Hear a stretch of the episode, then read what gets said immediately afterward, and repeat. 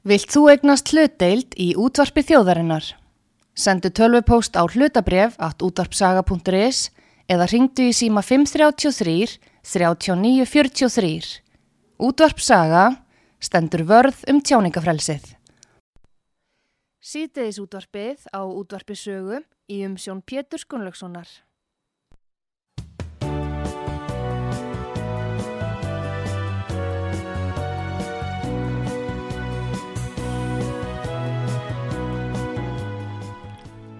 Góðir hlustendur, þér að hlusta á útvart sögu. Ég heiti Pétur Gunnlaugsson og ég ætla að ræða við hana Mörtu Guðjónsdóttur. Hún er borgarfylltrúi fyrir sjálfstæðislokkin hér í Reykjavík. Velkomin, Marta. Takk fyrir þá. Nú, þið er að fara í prófkjör um, um leittóasæti og kannski fleiri sæti þarna í þínum flokki. Nú, uh, það hefur komið til tals með, meðal annars heist frá þér að, að þú viljir jafnvel aðtúa það um að aðtúa það að taka þátt í prófkjöru um efsta sætið. Hvað segir það? Það er rétt.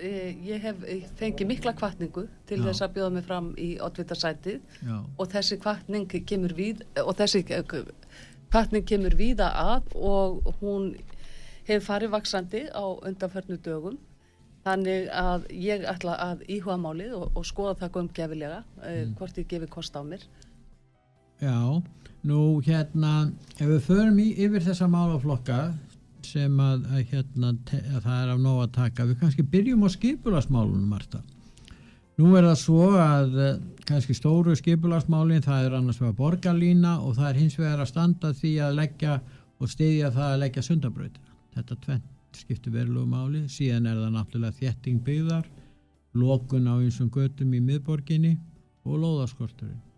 Þetta er rétt og eh, þjettingastefna meiri hlutans og hún er gæltróta þessi skipilastefna hefur ekki virka og við sjáum það á þeim húsnæðiskorti sem er núna og þeim lóðaskorti eh, sem er í borginni þessi meiri hluti hefur lagt alla áherslu á það að byggja misæðis á dýrum þjettingarreitum sem að hafa hækka húsnæðisverð eh, upp í verulega háar upphæðir eh, sem hefur leitt til þess að eh, fólku flýr borgina, flýr til annara sveitafélaga, flýr á Suðurlandið og, og Suðurnesin og Vesturlandið til þess að koma sér þakki yfir höfuðið vegna þess að fólk ræður ekki við þetta verð sem er í bóði innan borgamarkana og það er í bóði borgarstjórna meðlutans.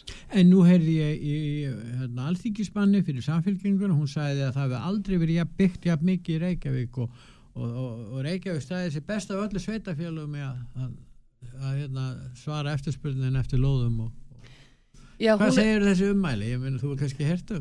Ég hef hert þessi ummæli en uh, hérna uh, staðrindirna tala sínumáli. Við sjáum það að það er uppselt í Þorlásöf, það er uppselt í, í vógum af Vassleysuströnd.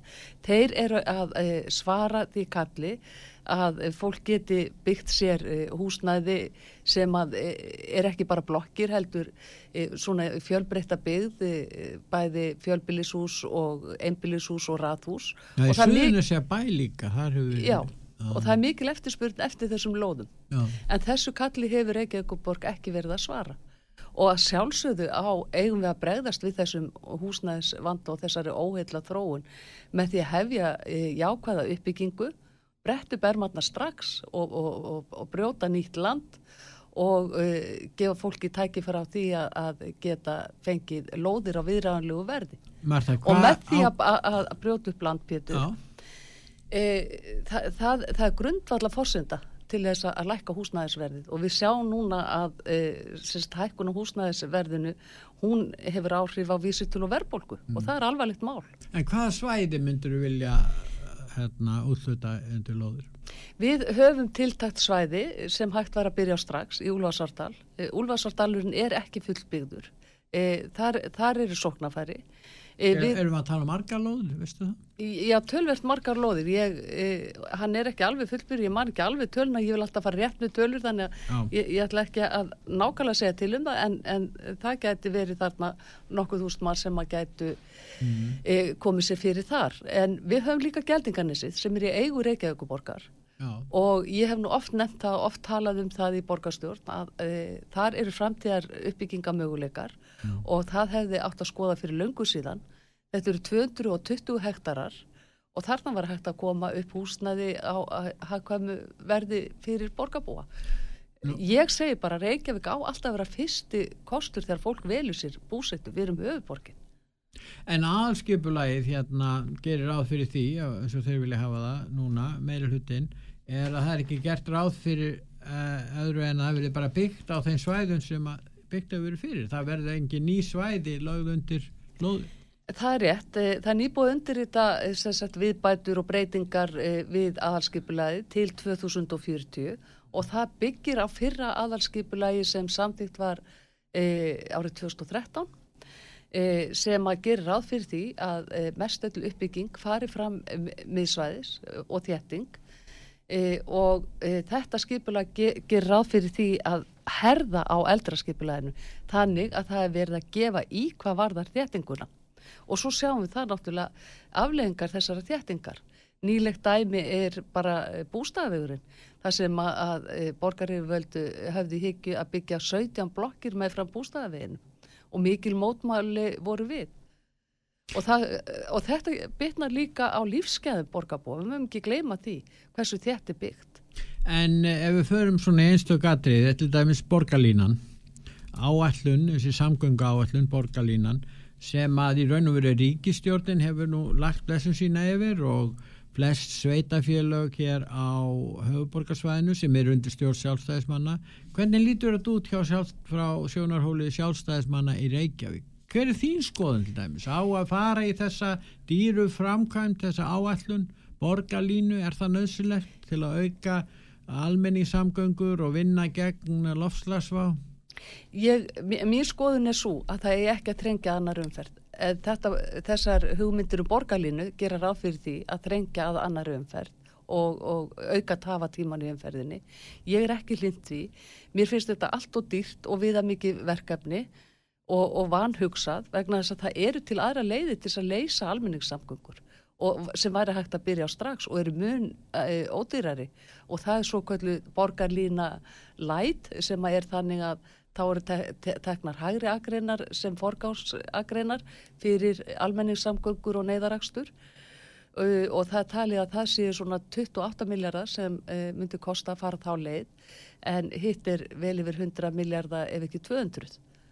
En er, sams, er samkúmulega innan borgarstjórnarflokks sjálfstæðismanna að, að samræma eða hafa sömu stefnu í gagvart þessari samgöngu áallun, borgarlínunni? Eh, ég verða að vera heðaleg, það er ekki alveg eh, þannig en eh, oddvitin okkar og, og við flest eh, erum sammála því en það er einstakka fullt Það er eithor sem er sammála Já. því en hann er að hætta Já, hann er að hætta Já, þannig að, að hérna að, að, en ef það er ekki samstað kemur það ekki ljós þá í prófkjöri sem að færi fram á vegum flokksins. Eh, þannig að eh, kjósendur flokksins gæti kosi þá fulltrúa sem að væru kannski já, hefðu ákveðna skoðun í þessu mikilvæga máli. Þa, Það er afar brínt að þeir sem að bjóða sér fram núna e, til, til að fá sæta á, á borgarstjórnarlistanum að þeir tali skýrt og segi hver þeirra stefna er og tali skýrt um það e, hvort að þeir fari eftir stefnu, sjálfstæðistefnunu og, og stefnu Reykjavíku þings þar sem að e, stefna í borgarmálum er mörguð og þetta er líraðisli stofnun innan e, flokksins, þarna koma margir flokksmenn að til að móta stefnu. Mm. og svo líraðislega niðurstaða sem að kemur út úr slíki, slíku þingi e, ber e, kjörnum fulltrúum að virða. Og það mun ég gera og ég hef ávalt gert Nú e, það er annað mál sem skiptir sem er auðvitað mjög mikið fjallað það er sundabröðin og eh, reykvingar hafa þurft að býða mjög lengi. Já. og það er búið að tala um sundabröðina í ára tí það var reynda búið að fjármagnana hér á sínu tíma með sölu á símanum. En þeir peningar, það veit nú ekki hver þeir fóru allir. En, að, en uh, nú er, skiptir þetta verulegu máli og þetta er sennilega hagkvæmasta framkvæmt sem, eða verk sem hægt er að svona leggja á í okkar samfélagi. Það er rétt. Mín fyrsta tila eftir ég tók sæti sem borgarfulltrú í borgarstöld Reykjavíkur var einmitt að það yrði hafnar viðræði við ríkið varðandi sundabrönd, legu hennar og, og gert arsemismat. Já. Og svo til að það var samtíkt.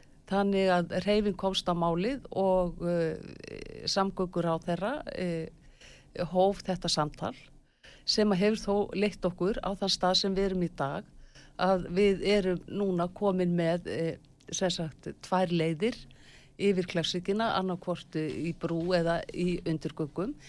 En borgarstjóri hefur ekkert haft áhuga á sundabrönd En er það bara hann, er það ekki ymsir í hans flokki líka? Að sjálfsög. Ég er til dæmis með grein hérna í kjartanum í dag, það er verið að fjalla um þetta mál og það er það uh, borgarfulltrúi samfélkingarna, Sabín Leskov uh, og hún er svona fjall um þessi mál, tala um að verða að vera göng og það verður náttúrulega ákveðningur um það því að þeir gerir áfyrir hjá ríkjuna að þetta verði brú og þessu öllu fundi ímislegt til fóráttu að vera að leggja fara út í þessa framkvæmt er hérna eining innan borgarstjórnar Reykjavíkur að fara og stýðja þessa framkvæmt eða eru sumir að draga lappinnar og það hvers vegna? Já, meiri hlutin er augljóslega að draga lappinnar en við viljum að e, það verði ráðist í að framkvæma, að, að verði ráðist í þessa framkvæmti sem allra fyrst og það, menn þurfa að vinna heimavinna, það er tölverskipilagsvinna eh, sem þarf að fara í og á henni þarf að byrja til þess að tefja þetta ekki enn meira. Borgarstjóri tafði þetta með því að fækka alltaf leiðonum og nú erum við komin á þennan stað þó að, að það er um uh, tvo valkosta ræða. Þessi starfsópu sem að uh, ríkið uh, sett á laginnar og vegagerðin fór fyrir komst að þeirri niðurstöðu að það væri brú sem væri heppilegri, hún væri ódýrari kostur En eh, ef að borgarfulltrúar vilja göng, þá er raun og veru verið deilan um göng eða brú til þess að það verður ekkit af þessari framkvæmt. Já, það er, Þa, það, er það ekki það sem er leiðin verið að fara? Það er það sem blasir við og það er það sem borgarstjórna meiri hlutin e, er að gera út á núna til að tefja verkið en frekar. Sumi segja sér hættulegt að, að leggja gönga á þessu svæði, það er nú alls konar hugmyndi sem menna um það. Já, einmitt, en, en e, sko sundabröytir eina þeim framkvæmdum sem að alþingi hefur heimilað unniverði í samvinnu við hið opubera og enga aðila mm og ég held ef engaðilar kæma að þessu að þá myndum við geta flýtt þessu verulega. Við erum að tala um uh, framkvæm sem getur borgað sig á örfáum árum. Einmitt.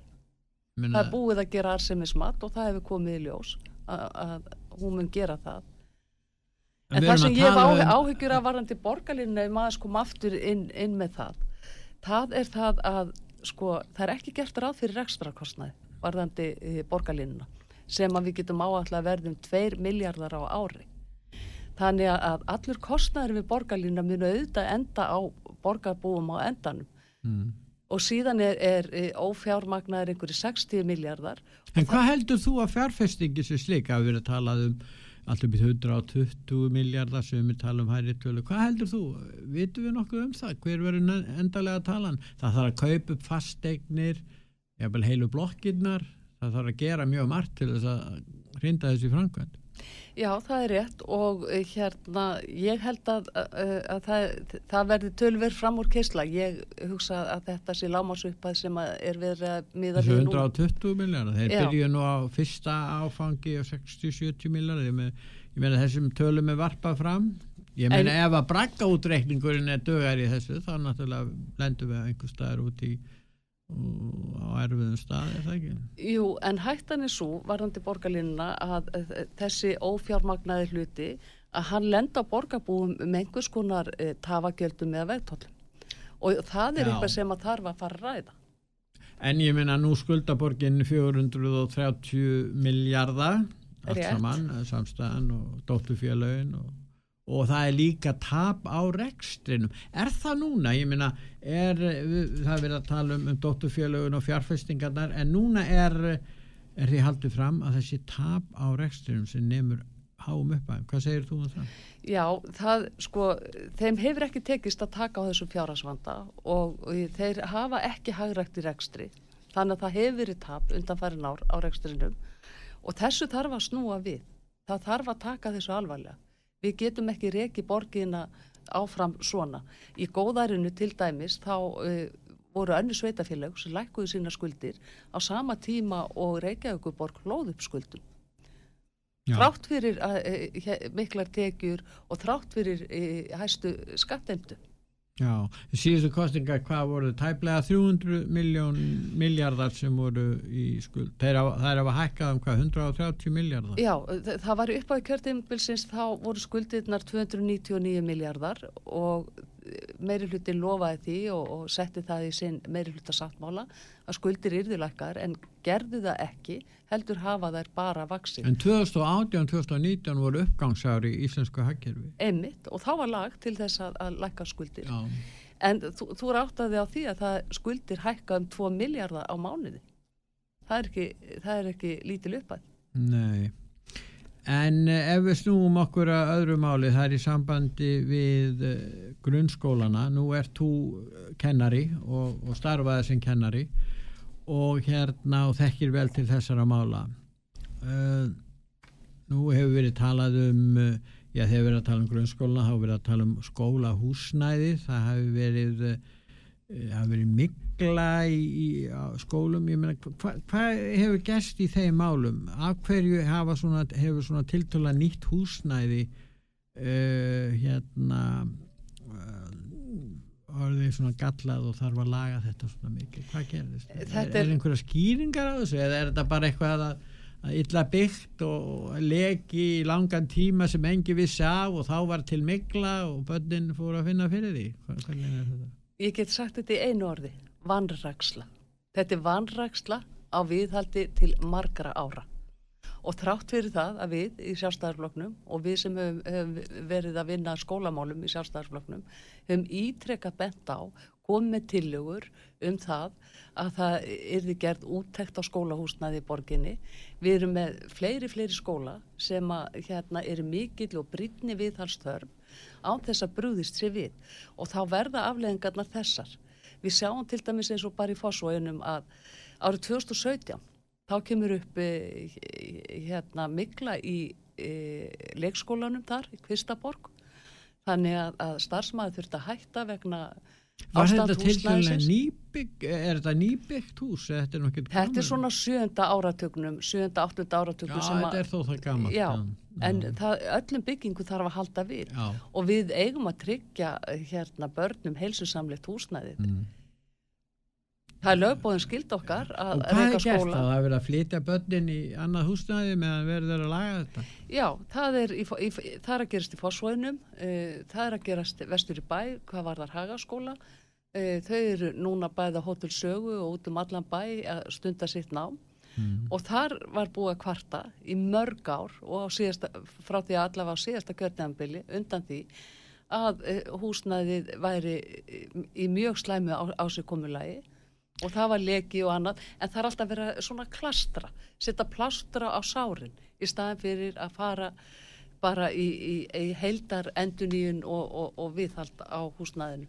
En ef við snúum okkur að, að kennunum og nefndum, nú hefur komið fram ákveðin óanæja hjá kennurum hér í, í grunnskólum í Reykjavík, ekki engöngu út af þessu vandamálum er tengjast COVID-19, heldur er það svona Já, hvað segir þú um það?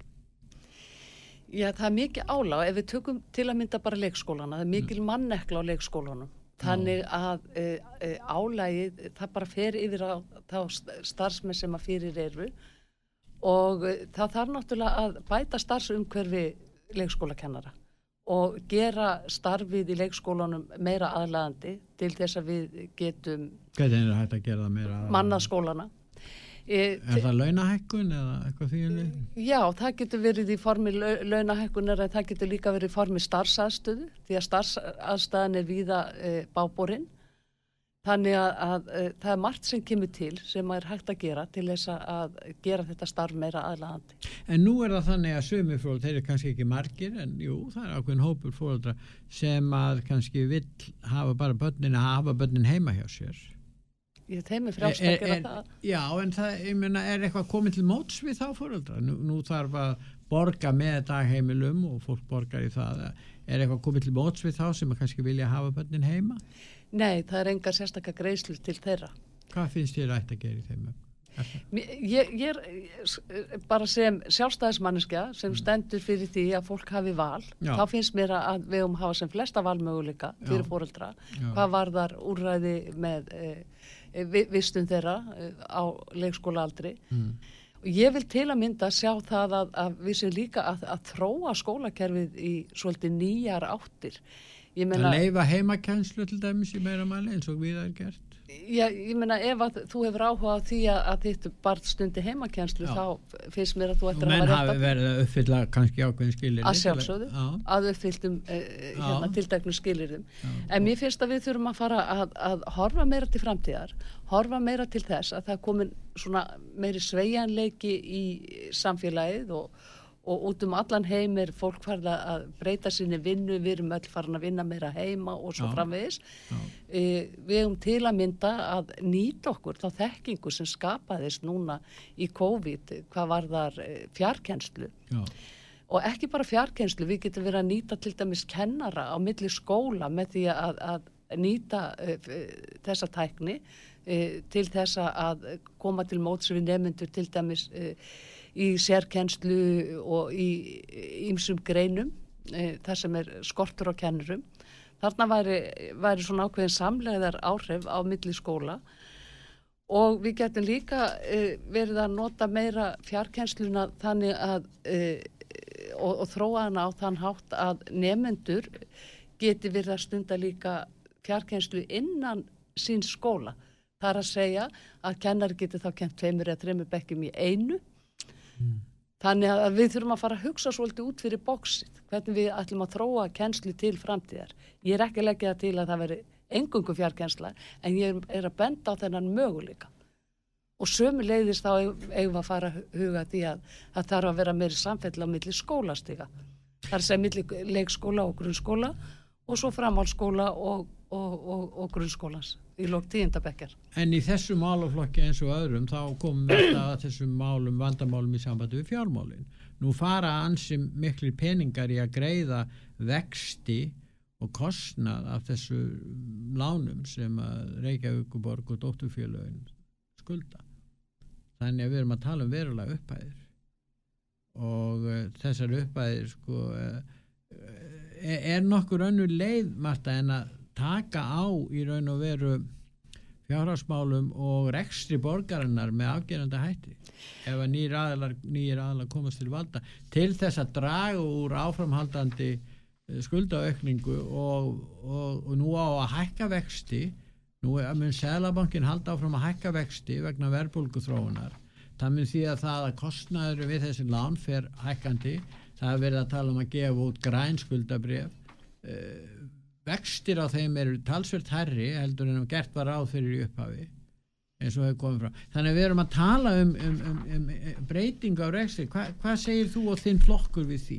Jú, við hérna auðvitað þarf að fara í hægraðingu í rekstri og við hefum verið lagt fram tilugur eins og til að mynda það að uh, við myndum selja gagnavituna þennan 49% hlut sem að, að orkuvitan á í, í gagnavitunni. Við hefum líka lagt til að Malbökunastöðun höfði verði seldur og uh, það hefur ekki verið gert og þessar tilugur okkar hafa verið feldar. Þetta getur eitt líður í því til þess að, að taka á fjárhásvandanum E, þannig að e, þetta er nú kannski, já, þetta er einhverju miljardar ég veit ekki hvað gagna verið hvað, hvað það færi á en, en, en svona þetta er náttúrulega eina aðgerð sem að myndi sko lækka skuldir sjálfsagt. Já, einmitt, einmitt og, og það, en það þarf náttúrulega bara að fara í heldar endur skoðun á öllu kerfinu því að við erum komið með mikið millilag í kerfinu. Við erum með e, hérna En er bá. hægt að fjármagna allir með þessar miklu framkvæmdir, við erum að tala um borgarlínna, mislægatna, uh, hérna, mót og ýmslegt fleira og skólanir, byggingar, uh, lagfæringar, það kostiði hvað halva miljard að reyna að lagfæra uh, hérna, vandamálin í fósfórskóla, var það ekki rétt? Jú, það er rétt. Þannig að við erum að tala um alveg gífulegar upphæðir Já. og svo allir rekstum, svo hefur fólki, fólkinu fjölga, starfsfólki á borginu hefur fjölga verulega. Já, og þetta er náttúrulega mjög dýrt og svo þarf að borga með lífyrirsjóði og uh, starfsmannar Reykjavíkuborgar og sínu tíma fór andvirði hérna landsvirkunar í það að minka skuldir borgarinnar út af, út af þessari út af, af ofinbjörn sjóðunum. Og nú er spurningin, ég veit ekki hvernig staðan er þar Já, sko það sem að, að, þarf að gera, Pétur, er það, það er að fara forgangsraða í þá grunnþjónustu og lögbúðuna þjónustu og láta það ganga fyrir öllu. Já, og sleppa öllum þessum gæluverkefnum. já, Núna er verið að fara að setja fjóra miljardar í grófarhús. Og í e, hvað? í grófarhús sem að er e, hluti af e, borgarbókasafninu sem á að verða einhvers konar upplifunarhús og e, þetta eru verkefni sem að hérna við ætti að láta Fjórir miljard? fjóri miljardar og sjálfsögðu e, á ekki að En forgansraða er nokkuð hægt að fjármagna þetta nema með frekari lánum? Ég meina það er ekki, það er engin rekstra ágangur á neinum eh, þessum félög. einmitt, það blasir við Þannig helst uh, orkuveitan sem að skila einhverjum hagna að greiða niður sína skuldir sem eru nú mjög miklar. Einmitt En, hver á að greiða þetta, þessar fjórar miljardar? Hvernig er alltaf að fjármagna það? Er leikur það fyrir? Þa, það, það verður vantarlega með lántökum Já, en við erum að tala um, um eh, skuldi núna, borgin skuldar eh, 400 hvað, 30 miljardar já, og, og þetta bara bætist við þetta og svo hækka vextinir. Þess segi ég, ef við ætlum að taka á fjárhagsvandanum Pétur Já. eh, þá verður að forgámsraða í þáu grunnþjónustu og lögbúðuna þjónustu og láta öll e, gæluverkefni býða á meðan En er það ekki aðteglisvert, Marta, að skul ekki vera meiri gaggríni á fjármálinn hjá meirulutanum eins og þau eru í dag? Að reykjungar skul ekki rýsa upp og gera sér grein fyrir því að borgin er að komast í hættu ástand. Það, verður kannski að lí, lýsa yfir neyðar ástandi hérna einhvern tíma. Já, skuldirnar koma þann út að þetta eru þrjár miljónir á hverja fjölskyldu í borginni sem að uh, þannig, þannig er dæmið. Og við erum að tala um 2 miljardar á mánuði sem að skuldir vaksa en við höfum uh, hérna gaggrind mikið þessa skuldasöfnun og þennan fjárhagsvanda. Og við höfum komið til eins og ég nefndi áðan til þess að bregðast við vandanum en það hefur ekki verið hlusta á það fyrir miður. Ég man að, uh, þarna, ég held að Hanna Birna hafi þá verið borgarstjóri og var að tala um það að það eru ná samkomulagi við uh, á sínu tíma um það að ráða ekki nýtt fólk til starfa þannig að það fækkaði fólki. Er einhverja síkleikar hugmyndir í gangi núna? Nei, það, það er eng- engar slíkar hugmyndir í gangi hjá þessu meiruluta. En þá var eins og Hanna Birna hugsaði þetta á sínu tíma að, að þá yrði þetta svona náttúruleg fækkun e, starfsmanna. Ef við lítum á þetta í sögulegu ljósi hérna, Marta sínum Yrði ekki ráðinn e, e, Já. inn nýjir starfsmenn þegar einhver hættir. að þá er stað ef við lítum einhverja áratví aftur í tíman þegar að útsvari var læra og það verður að leggja hitavitu hér í hús og annað að þá, er eins, þá, þá skuldar Reykjavík borg ekki neitt síðan verður gífuleg breyting á þessu. Og uh, hérna svona upp úr já, 1990 pluss og, og síðan hefur bara skuldækningi farið vaksandi ég meina þrátt fyrir miklu, miklu, miklu meiri tekjur. Já. En öðru sveitafélugum hefur tekist og tókst í góðarinu að lækka sína skuldir og við bentum margsinnis á það að Reykjavíkuborg ætti að fara þá leið og, safni kortluðnar í góð, og góðarinu staðin Já. fyrir, fyrir, að ganga á þar. En það er aðtiklisvert að á þeim tíma þegar fjárvastaða borgarina var bara mjög góð að þá gáttu þeir sem að ætlaðu að fara að byggja fengi lóðir á tiltala væguverði og réðu við það e, þá var e, sko talið að lóðakostnaði væri um 4% af heldarkostnaði við byggingu og íbúðarhúsnaðis sem var mjög lágt hlutfall bara líka í alþjóðlegu samanburði. Núna er þetta komið yfir 20% Þannig að við erum alltaf að stöðu í dag og þrátt fyrir það að borgin hafi verið að selja hér á uppbúði lóðir, það byrjaði nú í tíð Ingi Bergarsólunar held ég, þá var farin þessi leið að fá meiri tekjur. að þá hefur þetta ekki dög að vera það við, erum alltaf að reykvingar að sapna meir og meir skuldum Já, já, og hérna, og nú eru bara engar tiltakar lóðir í bóði og byggðin er mjög einsli, það er byggt bara þjættingareitum, rándyru þjættingareitum miðsvæðis. Mm. Það tekur lengri tíma að byggja á þessum þjættingareitum, oft þarf að, að rýfa þau hús sem fyrir eru og svo framvegis. Þannig að, og svo skilar það sér náttúrulega í húsnæðisverðinu uh, og hér standa, sérsagt, engar lóðir til bóða fyrir fjölbreytta svona fjölskylduvæna byggð eins og var á sínu tíma og e, það var til mig sagt að laga fjárhastöðuna með því að brjóta upp land og, og, og bjóða til sölu lóðir á hagkvæmi verði. Það var hlut af því að, að breyðast til fjárhasvandan. Góðir hlustendur, þið er að hlusta á útvart sögu, ég heiti Pétur Gunnlaugsson og e, ég er að ræða við hana Mörtu Guðjónsdóttur, borgarfulltrúa og við ætlum núna að hlýða á auðlusingar og eftir auðlusingar hlýða þá höldum við umræðin áfram.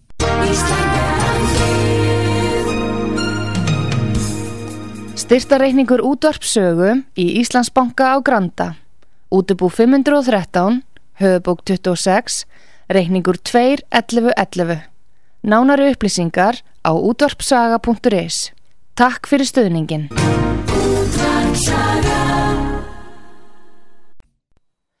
Sýteðis útvarpið á útvarpisögu í umsjón Pétur Skunlökssonar.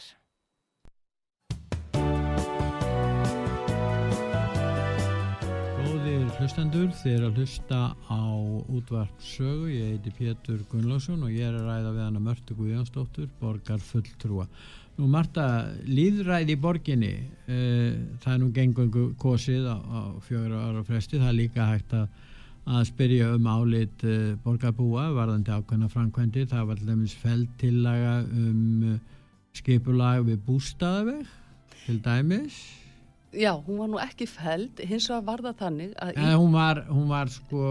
Dregin til hlýðar. Já, já, þú meinar það. Já, hún var dregin til hlýðar. Þannig að hún, hún, var, hún var bara sett í salt. Já, íbúar voru með mjög málef, málefnilega og uppbyggilega gaggrinni já. á þessar skiplagshugmyndir mm. við bústæðavegin og ég satt fundi réttarhalsskóla í byrjun desember e, þar sem borgastjóra var e, bóðið að koma og reyndar líka Eithóri Lagstall Arnalds e, fulltrúa fyrir minni hlutan og þetta sjálfstæðisflokksins. Mm.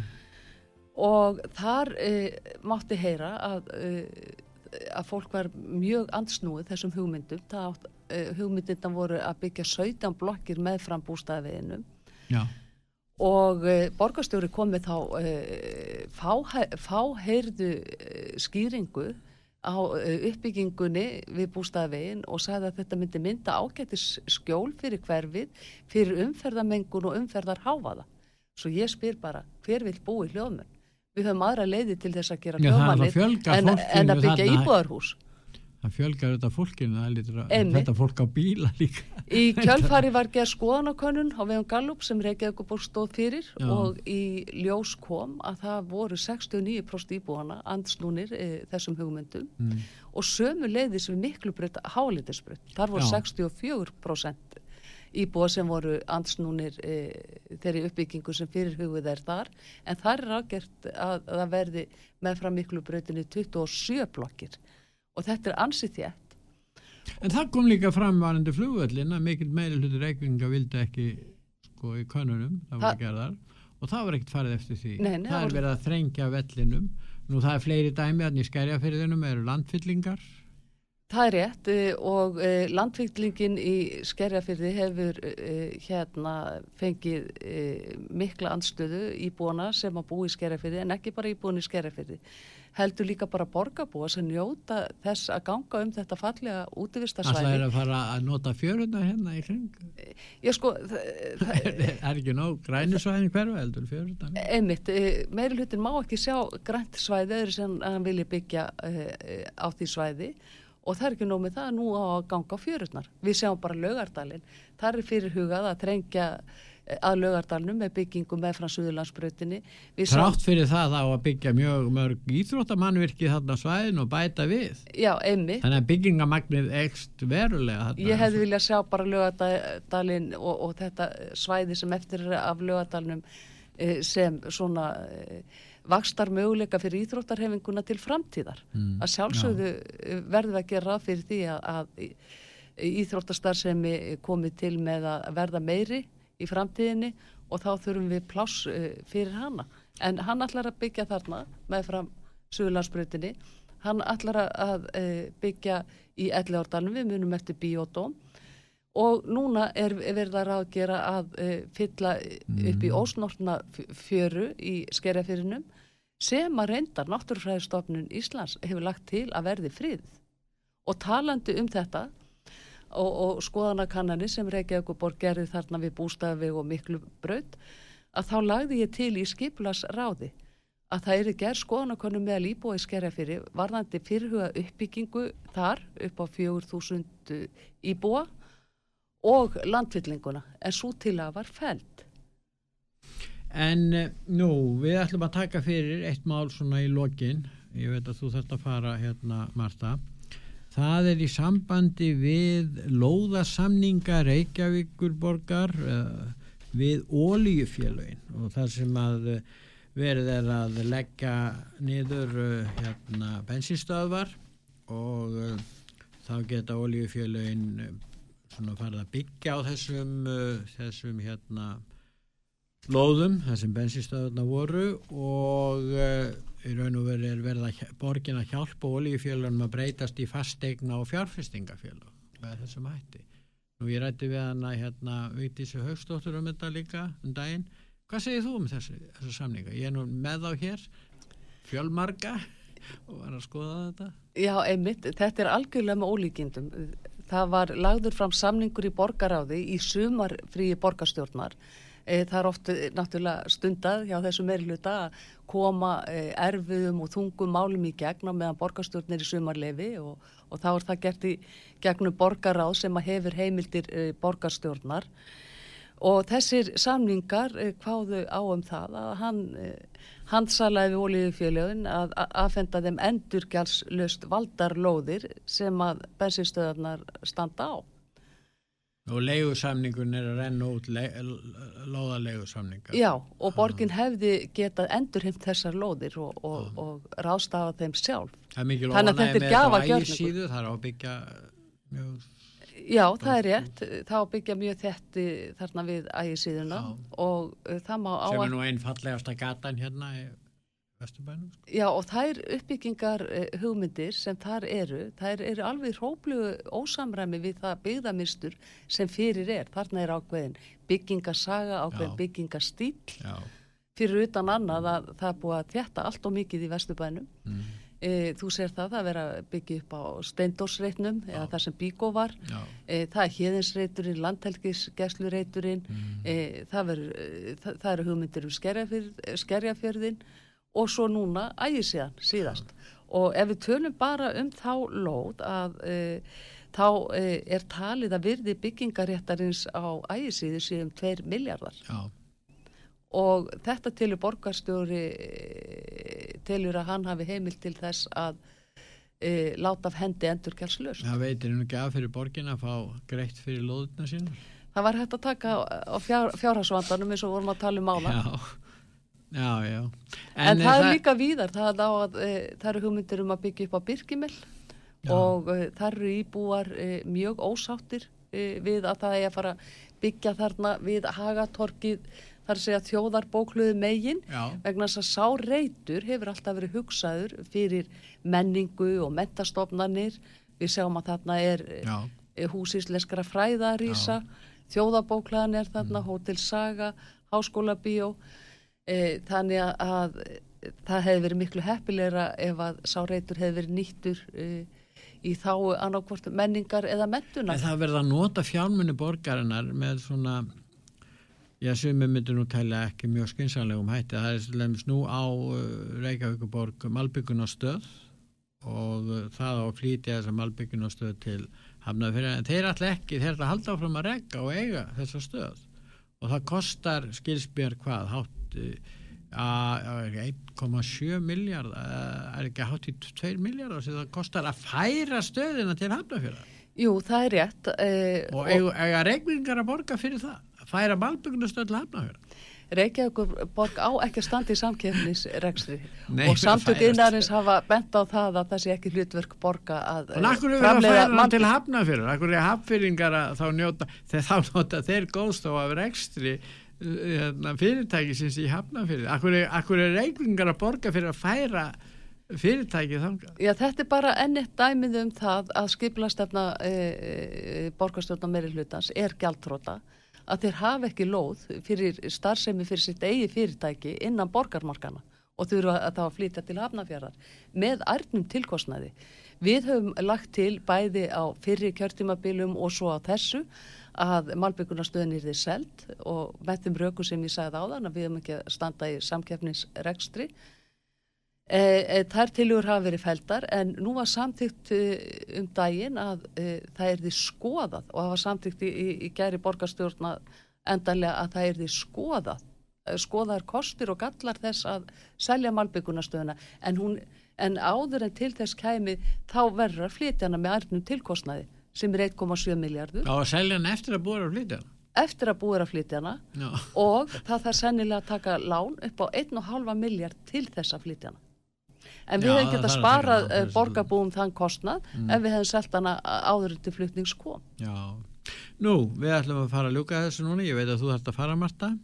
Nú, ég þakka þið fyrir að koma til okkar og við munum fylgjast með þessu brókjöri, hvernig sem það verður og hvernig sem framkvæmdi verður. Þakka þið fyrir Marta og ég þakka hlustendum út var sögu fyrir að hlusta. Verðið sæl. Takk sem við leiðis.